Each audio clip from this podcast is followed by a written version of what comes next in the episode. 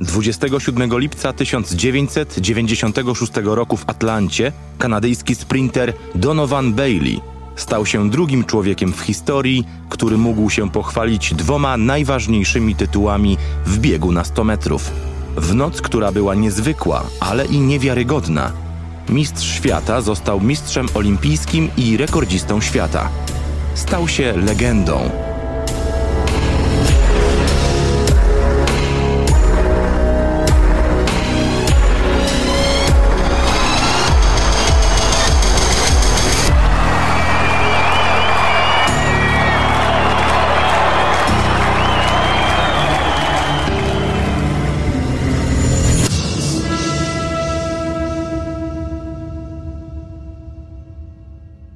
Witajcie. Zapraszamy do wysłuchania wyjątkowych olimpijskich historii. Najwięksi bohaterowie, najbardziej emocjonujące chwile, fakty, których nie znaliście i legendarne momenty. Wejdźcie z nami do świata dramatów, sukcesów i olimpijskich wzruszeń. Nie zapomnijcie też subskrybować, ocenić oraz zrecenzować naszych podcastów. Z napiętą twarzą, zaciśniętymi szczękami i naprężonymi mięśniami, Linford Christie płonął gniewem. Brytyjczyk właśnie stracił szansę, by znaleźć się w panteonie wielkich. Wyglądało na to, że na lekkoatletycznych Mistrzostwach Świata w Tokio w 1991 roku musi pogodzić się z upływem czasu. Musi zaakceptować fakt, że statek z najlepszymi odpływa. Musi przyznać, że jego kości nie są już na tyle młode, by coś znaczyć w sprincie. 31-letni wówczas Christie i tak starał się oszukać czas. Carl Lewis, który właśnie skończył 30 lat, wciąż był niedościgniony i po raz kolejny zgarnął pełną pulę. Podobnie jak 4 lata wcześniej w Rzymie. Tak samo jak na Igrzyskach w Seulu w 1988 roku. Nie obyło się jednak bez utarczek słownych i interwencji federacji. W końcu król Karl głośno kwestionował uczciwość Bena Johnsona, który pierwotnie okazał się najlepszy na dystansie 100 metrów. Złapany na stosowaniu dopingu Big Ben lub Benoit, jak niektórzy go nazywali, zmuszony był oddać koronę i berło prawowitemu władcy. Louis słusznie otrzymał swoje królewskie atrybuty w postaci złotych medali. Z kolei Christie po zdobyciu brązu czempionatu globu w 1987 roku dołożył srebro na koreańskich igrzyskach. Na mistrzostwach w Tokio jego dążenie do złota na światowych imprezach zostało zatrzymane. Znalazł się w rozpaczliwej sytuacji, ponieważ nie tylko Carl Lewis pokazał mu miejsce w szeregu.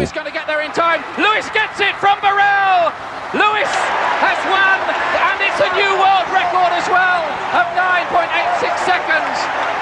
Look at the delight on him. Carl Lewis. Dwóch innych Amerykanów także sprowadziło do zera niesamowity wyczyn Linforda Christiego, który nigdy wcześniej nie przebiegł 100 metrów tak szybko. Rekord Europy na poziomie 9,92 sekundy był marnym pocieszeniem. Skrzydła Brytyjczyka zostały podcięte przez Leroya Burela i Denisa Michela, którzy obecnością na podium zaprzeczyli teorii o schyłku złotej ery amerykańskich sprinterów.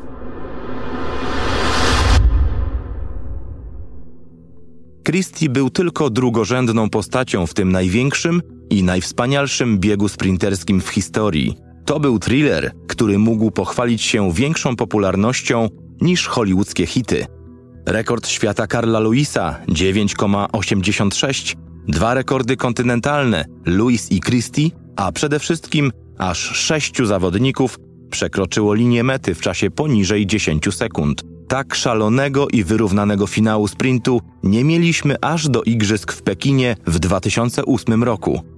Brytyjczyk zajął tylko czwarte miejsce nie mógł strawić porażki, zwłaszcza, że w jego opinii Denis Mitchell za szybko wyskoczył z bloków startowych, pozbawiając go brązowego medalu. W tych podejrzeniach było ziarno prawdy, bo faktycznie czas reakcji Amerykanina był rewelacyjny i wynosił 90 milisekund. Badania naukowe rzuciły inne światło, głosząc, że jakakolwiek reakcja szybsza niż 100 milisekund jest po ludzku niemożliwa. Wyjątek jednak stanowił Mitchell, który najwyraźniej miał niesamowity talent w tym względzie.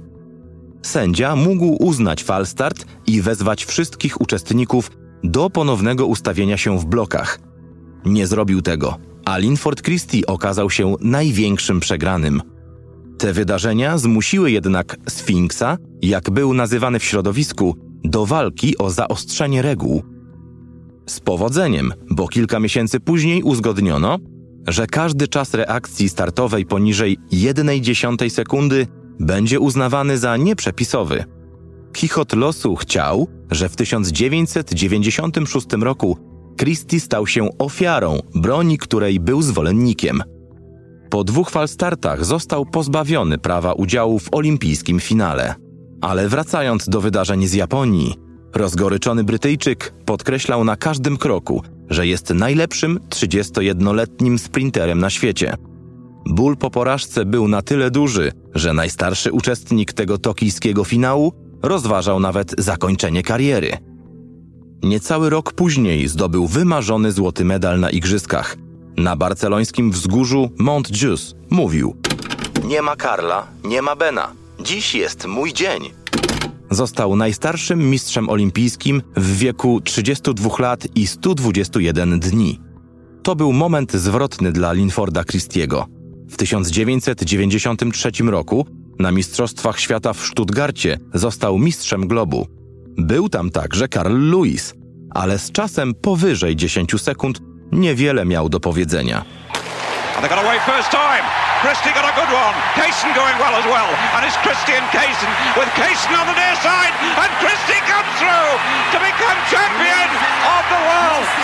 The time just outside the world record.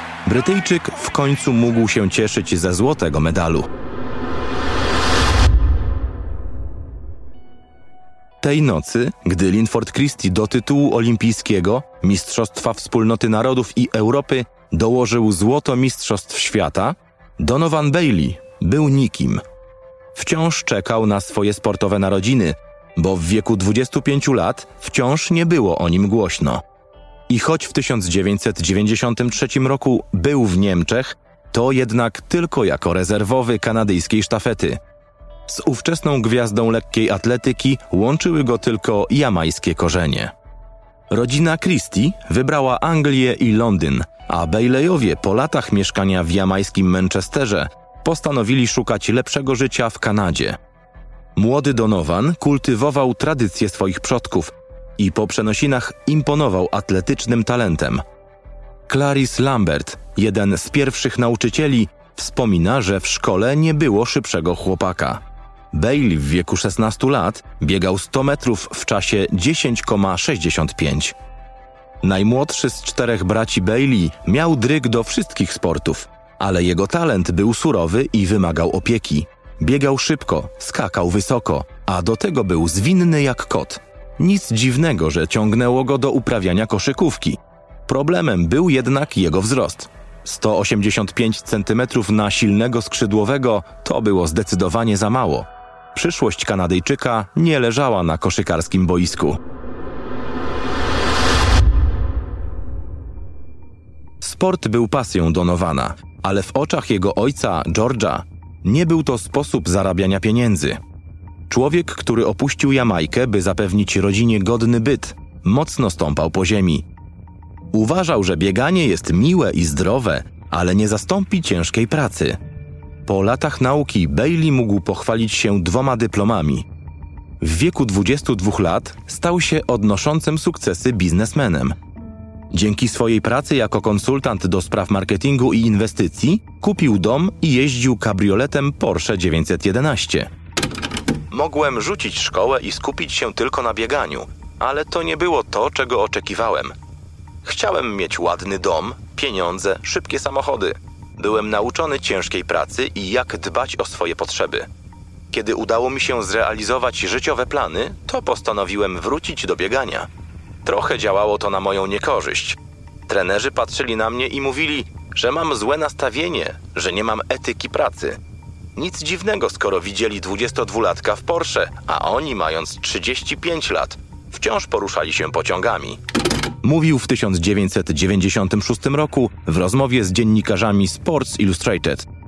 Nie trudno zrozumieć, dlaczego niektórzy nie lubili Donowana.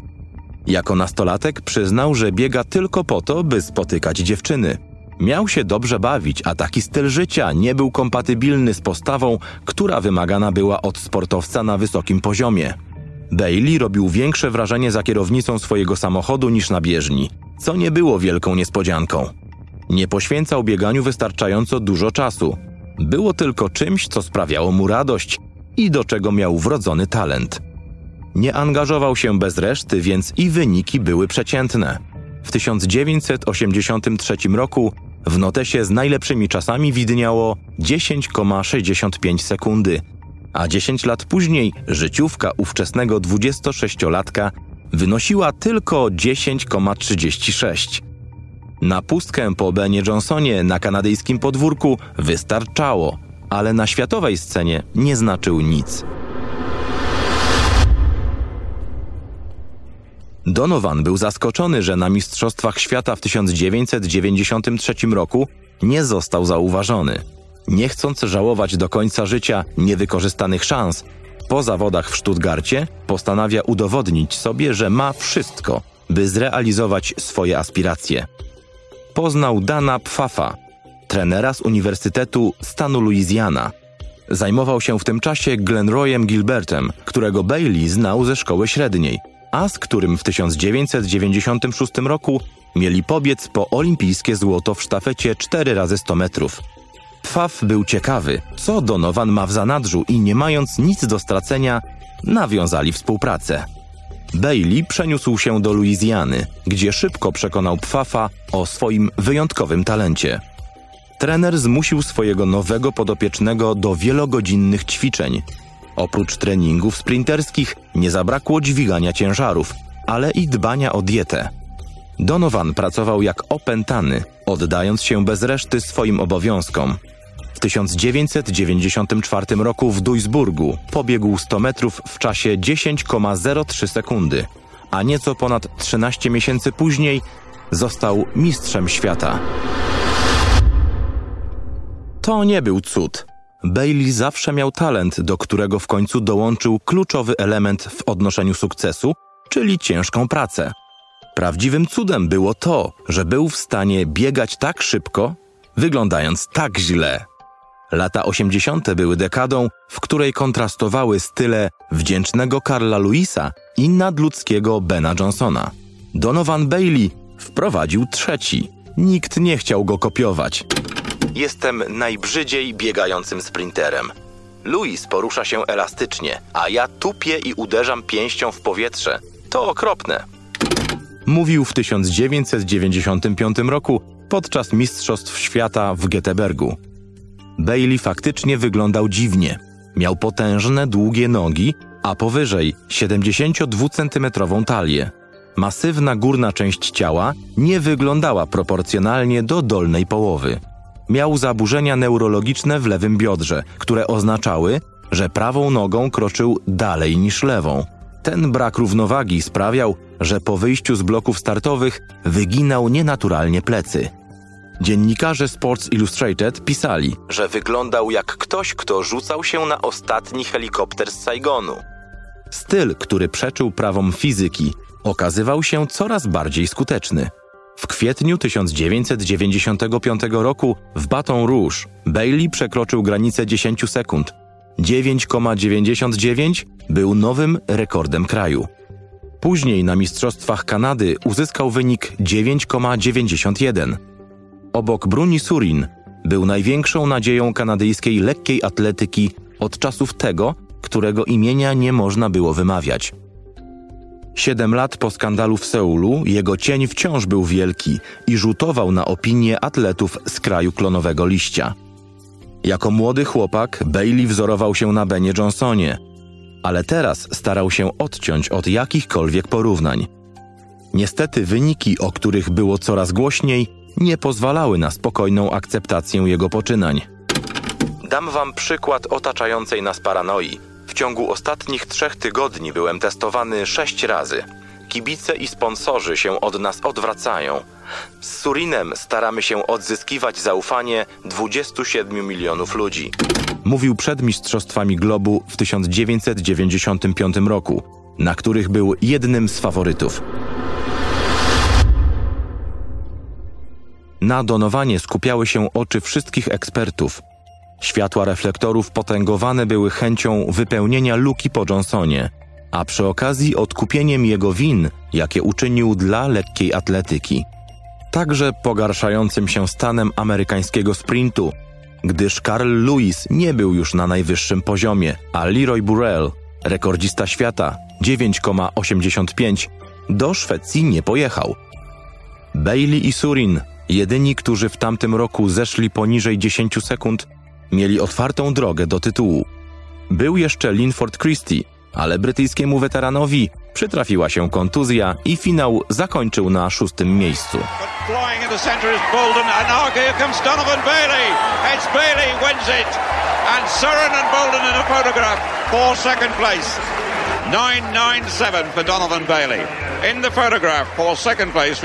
Surin the other Canadian, and Atto Bolden, the Trinidadian.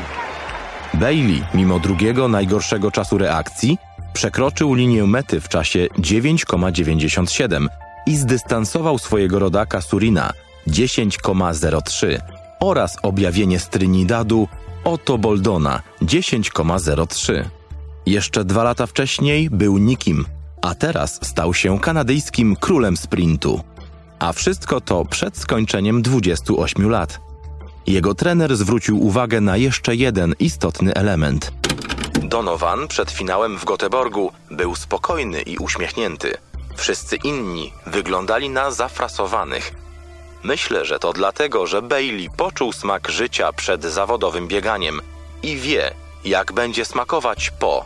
Miał czas, żeby zawrzeć bezwarunkowe przyjaźnie, przede wszystkim nie oparte na pieniądzach mówił Pfaw, który przekształcił Bejleja w zwycięzcę, nie zmieniając sposobu, w jaki biegał. Wyskakuję z bloków. Moja głowa jest podniesiona, a plecy wygięte w łuk. Nie przeszkadza mi to w nabieraniu prędkości od 30 do 70 metra. Ale w pewnym momencie krzyczę, ponieważ zaczynam przegrywać. Taki jest właśnie sprint. To moc eksplozji na końcowych metrach. To jak wsad w koszykówce. Tak właśnie wyglądałem w Göteborgu jakbym skradał się gdzieś przy linii po to, by wystartować w kierunku kosza i zakończyć akcję oburęcznym tomahawkiem, a później zawisnąć na jednej ręce. Analizował swój bieg po złoto, udowadniając, że zawsze był wielkim fanem koszykówki.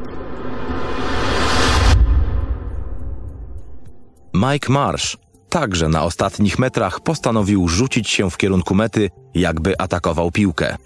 Wystarczyło tylko na piąte miejsce 10,10 sekundy. Amerykanie słusznie obawiali się o dyspozycję swoich sprinterów na igrzyskach w Atlancie, a co za tym idzie, tradycje sprinterskie. Od 1986 roku do 1992 zdobyli aż 15 z 22 rozdanych złotych medali na dystansie 100 metrów. Co więcej, od sukcesów Brytyjczyka Harolda Abramsa w 1924 roku i Kanadyjczyka Persiego Williamsa w 1928 roku, Amerykanie nigdy później nie czekali na złoty medal dłużej niż 8 lat. Zaczęto głośno dywagować, czy po sukcesie Linforda Christiego w 1992 roku w jego ślady pójdzie Donovan Bailey. I to na oczach amerykańskich kibiców. Musimy się obudzić i zareagować. Nie możemy sobie pozwolić, by przed własną publicznością nie zdobyć złota. Mówił Marsz.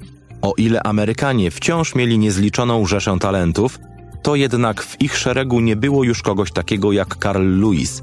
Rok 1996 znów okazał się dla nich mało korzystny. W przeddzień igrzysk w Atlancie człowiek, który wyznaczał standardy w światowym sprincie, nie był Amerykaninem ani Kanadyjczykiem. Pochodził z Namibii i nazywał się Frankie Fredericks. Rzadko wygrywał, ale na bieżni zawsze błyszczał elegancją. 28-latek budował swoją pozycję i siłę, zbliżając się do pobicia rekordu świata Burela. 9,86 w Lozannie i 9,87 w Helsinkach. To Fredericks stał się nagle postrachem bieżni i rywalem, z którym trzeba się było liczyć. Jego partnerem treningowym był Linford Christie, którego udział w igrzyskach stał pod dużym znakiem zapytania.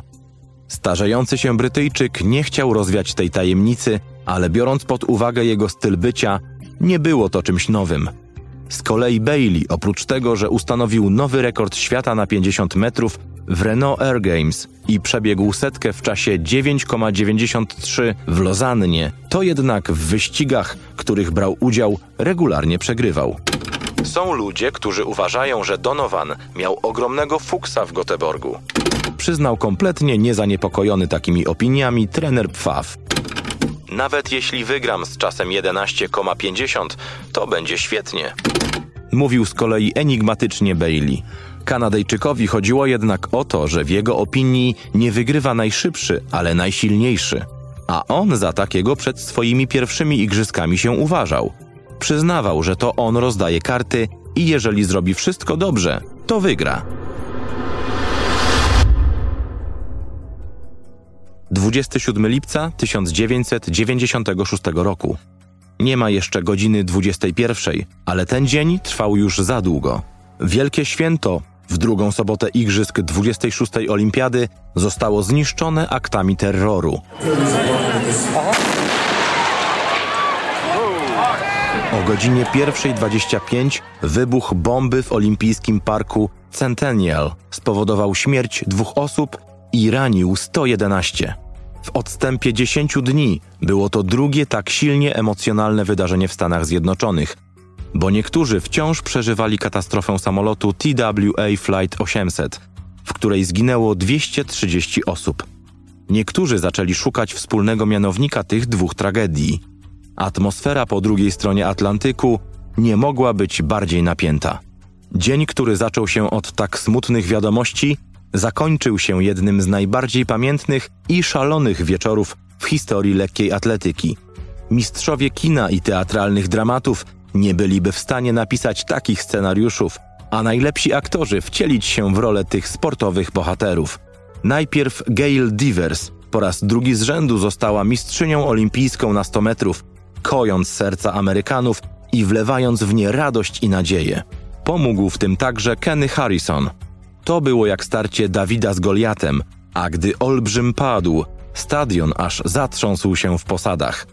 Harrison pokonał wciąż budującego swoją pozycję, ale niezwykle trudnego do przeskoczenia Jonathana Edwardsa. W końcu to Brytyjczyk rok później na Mistrzostwach Świata w Göteborgu dwa razy ustanawiał rekord świata w trójskoku. Jako pierwszy człowiek w historii przekroczył barierę 18 metrów, skacząc 18,16, a 20 minut później osiągnął odległość 18,29. W Atlancie dwa pierwsze skoki były spalone. Zrządzenie losu. Ostatecznie papież z Northampton, jak go wówczas nazywano, zdobył tylko srebro. Ale grzmoty i wielka burza miały dopiero nadejść. Głównie za sprawą Linforda Christiego, przynajmniej do czasu całkowitej dyskwalifikacji. Zanim nastąpiło istne trzęsienie ziemi, dzikie bestie sprintu pokazywały pazury. Rekord świata Leroya Burela 9,85, który dwa lata wcześniej odebrał go Karlowi Luisowi, miał zmienić swojego właściciela. Jestem pierwszy, który to mówi, ale rekord przeżywa swoje ostatnie godziny. Finał odbędzie się w 9,8 sekundy, a może nawet 9,7. Mówił Ato Boldon, tworząc dodatkową presję na rywalach, ale i na sobie. W drodze do najważniejszego biegu reprezentant Trinidadu demonstrował swoją szybkość na bieżni, kończąc półfinał w czasie 9,93. Zgoła inaczej swoją obecność zaznaczał Donovan Bailey, który wygrał pierwszy wyścig, ale w ćwierćfinale był drugi za Christie, a w półfinale zameldował się na mecie za Fredriksem. Kanadyjczyk wolał pukać do drzwi niż je taranować. W takich okolicznościach doszło w końcu do finału na 100 metrów. Nie ma drugiego wydarzenia, które jest nasycone tyloma emocjami, napięciami w tak krótkim czasie. Energia na trybunach nie kumulowała się jeszcze do tego stopnia, by obserwować wyładowania elektryczne. 85 tysięcy kibiców zgromadzonych na olimpijskim kolosie wciąż pamiętała o tragicznych i pełnych niepokoju wydarzeniach z nocy. Trudno było w pełni przeżywać te wszystkie uniesienia z bieżni, ale już niedługo ich umysły zostały zawładnięte tylko tym. Zwłaszcza, że amerykańscy kibice liczyli na powrót na tron swojego rodaka. Mike Marsh i Dennis Mitchell mieli spory ciężar na swoich barkach, ale wydaje się, że jeszcze większa presja spoczywała na starym lwie, który marzył o ostatnim ryku. Miejsce na drugim torze zajął Linford Christie. Po lewej stronie miał Mike'a Marsha, a po prawej Ato Boldona. Nie był już najszybszy, ale czy kiedykolwiek był? Liczył, że mądrością sięgnie raz jeszcze po olimpijską chwałę. Chciał spróbować innej taktyki. Liczył się z tym, że biorąc udział w największym ataku na bank jego pistolet na wodę, nie przestraszy nikogo. Przy jego prezentacji tłum wiwatował mocniej niż przy przedstawianiu marsza, ale twarz Brytyjczyka nie wyrażała żadnych emocji. Był jak gwardzista pałacu Buckingham, wpatrzony w horyzont, raz jeszcze pokonywał tę trasę w myślach. Jak sam twierdził w Sports Illustrated, był jak posąg z Wysp Wielkanocnych. Pan Stonehenge, jak nazywał go Bailey. Chciał tylko przekroczyć białą linię, która uczyni go nieśmiertelnym. Ośmiu finalistów zajęło swoje pozycje. Atmosfera była tak gęsta, że można ją było kroić nożem. On your marks. Get set. No not sure Christie wasn't responsible. It's very rare he gets a false start. Very rare indeed. Jeszcze nie było słychać wystrzału pistoletu startera, a Christie już wypadł z bloków startowych.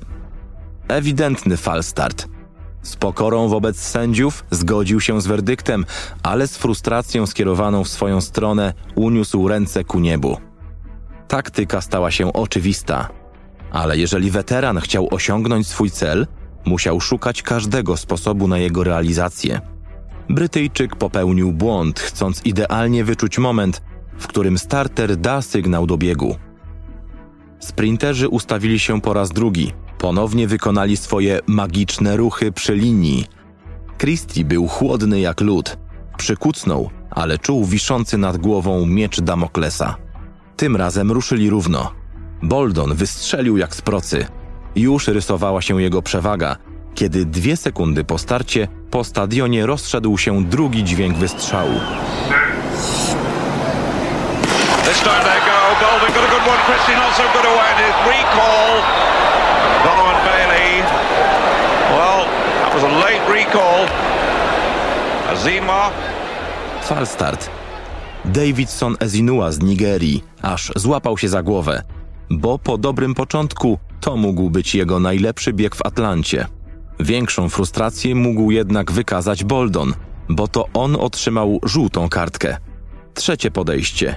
Cichy szmer, który miał miejsce jeszcze kilka minut wcześniej, przeobraził się w głośne dudnienie, odzwierciedlające napięcie na stadionie. Cała ósemka bohaterów od nowa rozpoczęła swój rytuał startu. Poklepywanie się po policzkach, po nogach, podskakiwanie, kucanie. Christie spojrzał gniewnie na rywali. Wszyscy udawali, jakby nic się nie wydarzyło, jakby dopiero mieli zaczynać swoją wojnę nerwów. A ona trwała w najlepsze. Huk startera. Ruszyli po raz trzeci. Oh. Po chwili kolejny strzał, którego echo mieszało się z reakcją niedowierzających kibiców. Wykroczenie zbrodniarza było minimalne, ale on wiedział.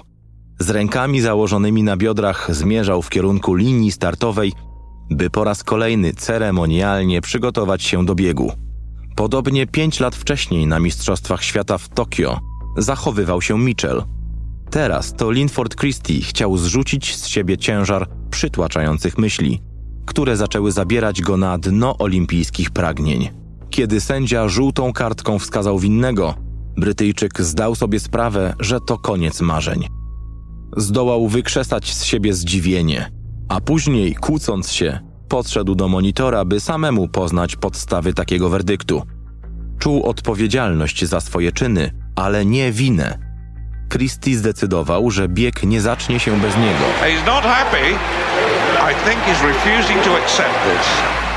Król nie żyje? Niech żyje król. Był jak lew, którego chcą pozbyć się z dżungli. Ale to jest jego królestwo jeżeli miał je opuścić, to tylko martwy. Odmówił opuszczenia bieżni, stanął przed swoim blokiem startowym, zręcznie usuwając czerwoną kartkę. Nie ma nic gorszego dla olimpijskiego mistrza niż niemożność bronienia swojego tytułu. W szaleńczym opętaniu frustracją nalegał na możliwość uczestniczenia w tym finale. Zażenowanie czuć było nie tylko ze strony sędziów, ale i mistrza z Barcelony. Rywale kipieli ze złości, a sam bohater tragedii prosił jeszcze kibiców o wsparcie. Świat był świadkiem farsy. Wkrótce sędzia John Chaplin pojawił się na scenie i jak cyrkowy mistrz ceremonii chciał przywrócić porządek. Pokazał Brytyjczykowi obciążające go czasy reakcji i uprzejmie poprosił o opuszczenie areny. Dwa falstarty to dyskwalifikacja. Christie nie mógł się jednak pogodzić z okrutnym losem. Nie chciał się pożegnać w ten sposób. Reakcja startowa mistrza olimpijskiego z Barcelony wynosiła 0,086 sekundy. Zaledwie 14 milisekund dzieliło Christiego od regulaminowego marginesu błędu. Wpadł we własne sidła, bo przecież pięć lat wcześniej, po Mistrzostwach Świata w Tokio, głośno apelował o zmiany w czasach reakcji. Stare regulacje zabrały mu brązowy medal, a nowe pozbawiły szans walki o jakikolwiek medal. Okrutna ironia. To był pierwszy raz. Mówił później o swojej dyskwalifikacji. Start był jednym wielkim chaosem. Ludzie krzyczeli, migały flesze. Nie mogłem złapać pełnej koncentracji i reagowałem na każdy słyszalny dźwięk. Przepraszam mieszkańców Wielkiej Brytanii. Kontynuował swój smutny wywód. Christie sugerował nawet, że doszło do spisku przeciwko niemu. Twierdził, że jego protest mógłby się powieść, gdyby igrzyska miały miejsce gdziekolwiek indziej. Christie po kilkunastu minutach w końcu zdecydował się opuścić główną scenę. Ale nie poddał się. Zdjął koszulkę i zamiast zejść tunelem do szatni, wbrew nakazom ekipy technicznej, został na krawędzi toru. Chciał na własne oczy obserwować ten finał, licząc przy tym na triumf swojego przyjaciela Frankiego Fredricksa. Nie patrząc trzeźwo na aktualne wydarzenia, postanowił także jak mistrz pożegnać się z publiką. Po tym jak sprinterzy wbiegli na metę, na bieżni ponownie pojawił się Christie, który salutując publiczności przekroczył linię mety. Dlaczego nie? Czułem, że są tam poniekąd dla mnie. Byłem ich mistrzem. Czułem, że nie ma nic gorszego i smutniejszego, jak zejść do szatni właśnie tamtym tunelem. Zrobiłem więc małą rundkę, zbierając oklaski. Powiedział Brytyjczyk. W momencie dyskwalifikacji i długiego protestu pozostałym finalistom spadał optymalny poziom skupienia. Szczególnie Ato Boldon był wściekły, gdyż oprócz koncentracji stracił jeszcze rywala z sąsiedniego toru, a to zawsze negatywnie wpływa na wydajność. 23-letni reprezentant z Trinidadu był kompletnie rozbity. Ato czuł się przeze mnie urażony. Uważał, że powinienem zejść wcześniej – Wybaczam mu takie myśli, bo to młody i impulsywny chłopak. Przyznał zawadiacko Christie. Bolton nie był jedynym biegaczem, który poczuł się pokrzywdzony. Równie rozwścieczony był Marsz, który otwarcie powiedział, że zachowanie Brytyjczyka było niesportowe. Dennis Mitchell także nie ukrywał, że taka postawa miała negatywny wpływ na tych, co zostali na bieżni. Nigdy w życiu nie byłem tak przygotowany do biegu. Falstarty i opóźnienia zrujnowały wszystko. To był najbardziej nieprofesjonalny wyścig, w jakim brałem udział. Mówił Amerykanin ze łzami w oczach dziennikarzom stacji NBC. Marsh i Mitchell mieli dobry powód, by czuć żal, bo żaden z nich nie sięgnął nie tylko po złoto, ale w ogóle po medal. To była pierwsza taka sytuacja od Igrzysk w Montrealu w 1976 roku, by żaden amerykański sprinter nie znalazł się na podium. Gdzie w tym wszystkim był Donovan Bailey? Zachował spokój, odciął się. Przez dwadzieścia minut wszyscy krążyli w kółko, dusili się własnymi myślami, szukali ucieczki od tego, co działo się obok, ale nie Bailey. Napięcie, które towarzyszyło temu wszystkiemu, kompletnie umknęło uwadze Brytyjczyka. Podczas gdy inni rywale byli przytłoczeni, patrzyli na Brytyjczyka z nienawiścią i niesmakiem. Bailey przez cały czas pozostawał zrelaksowany. W końcu dyskwalifikacja Christiego oznaczała, że w drodze po złoto było o jednego mniej. Teraz już tylko siedmiu pozostało w walce o świętego grala. Koncentracja na drobiazgach, na swoich blokach startowych, nie patrzenie na innych. Myślałem o tym wszystkim, co powiedział mi Dan. To pozwoliło mi być rozluźnionym. Może gdyby to wszystko miało się wyjaśnić w pierwszej próbie, to nie pobiegłbym tak dobrze. Analizował urodzony na Jamajce atleta. Kluczem był spokój. To słowo w najdoskonalszy sposób opisywało Baileya. Kiedy sprinterzy ruszyli po raz czwarty i ostatni, Kanadyjczyk był tak spokojny, że zaczął po swojemu, czyli od bardzo wolnych pierwszych metrów.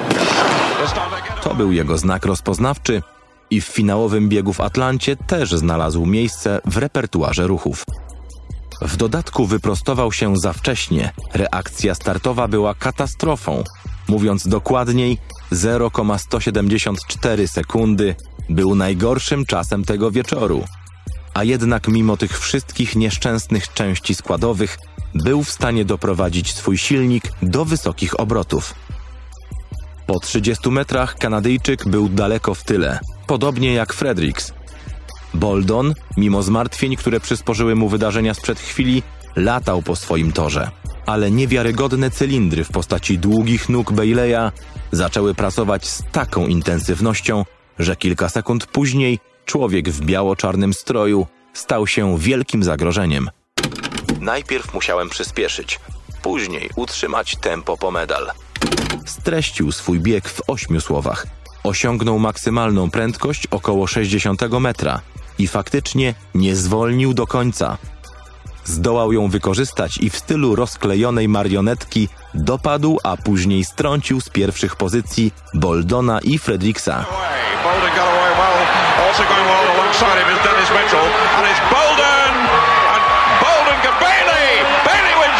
second, Fredericks third.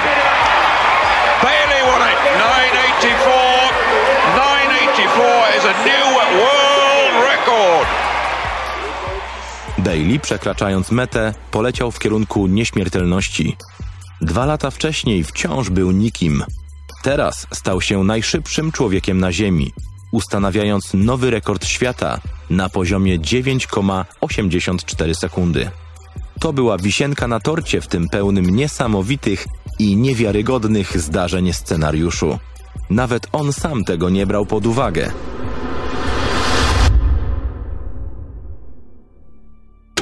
Za każdym razem, gdy myślałem o pobiciu rekordu, coś nie wychodziło. Dlatego tym razem w ogóle nie zaprzątałem sobie tym głowy.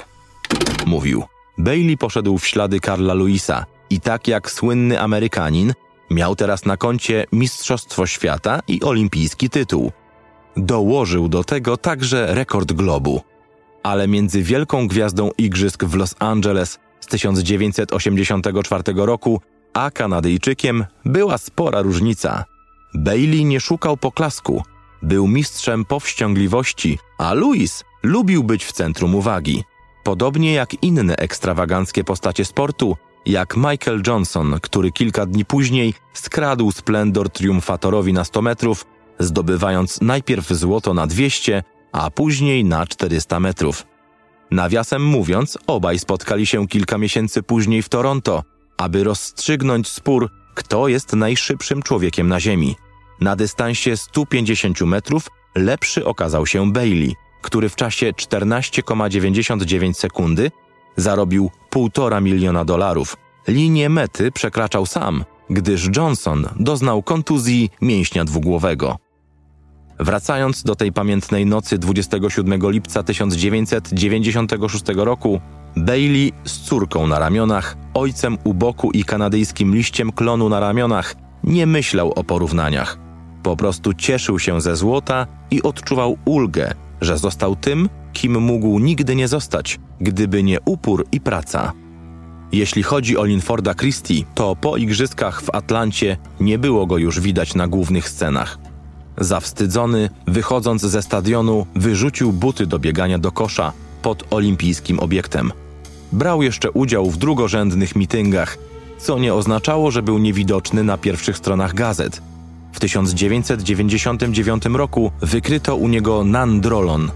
Recydywa, bo 11 lat wcześniej już oblał test antydopingowy. Prawo dwóch fal startów ponownie zdecydowało o jego sportowym losie.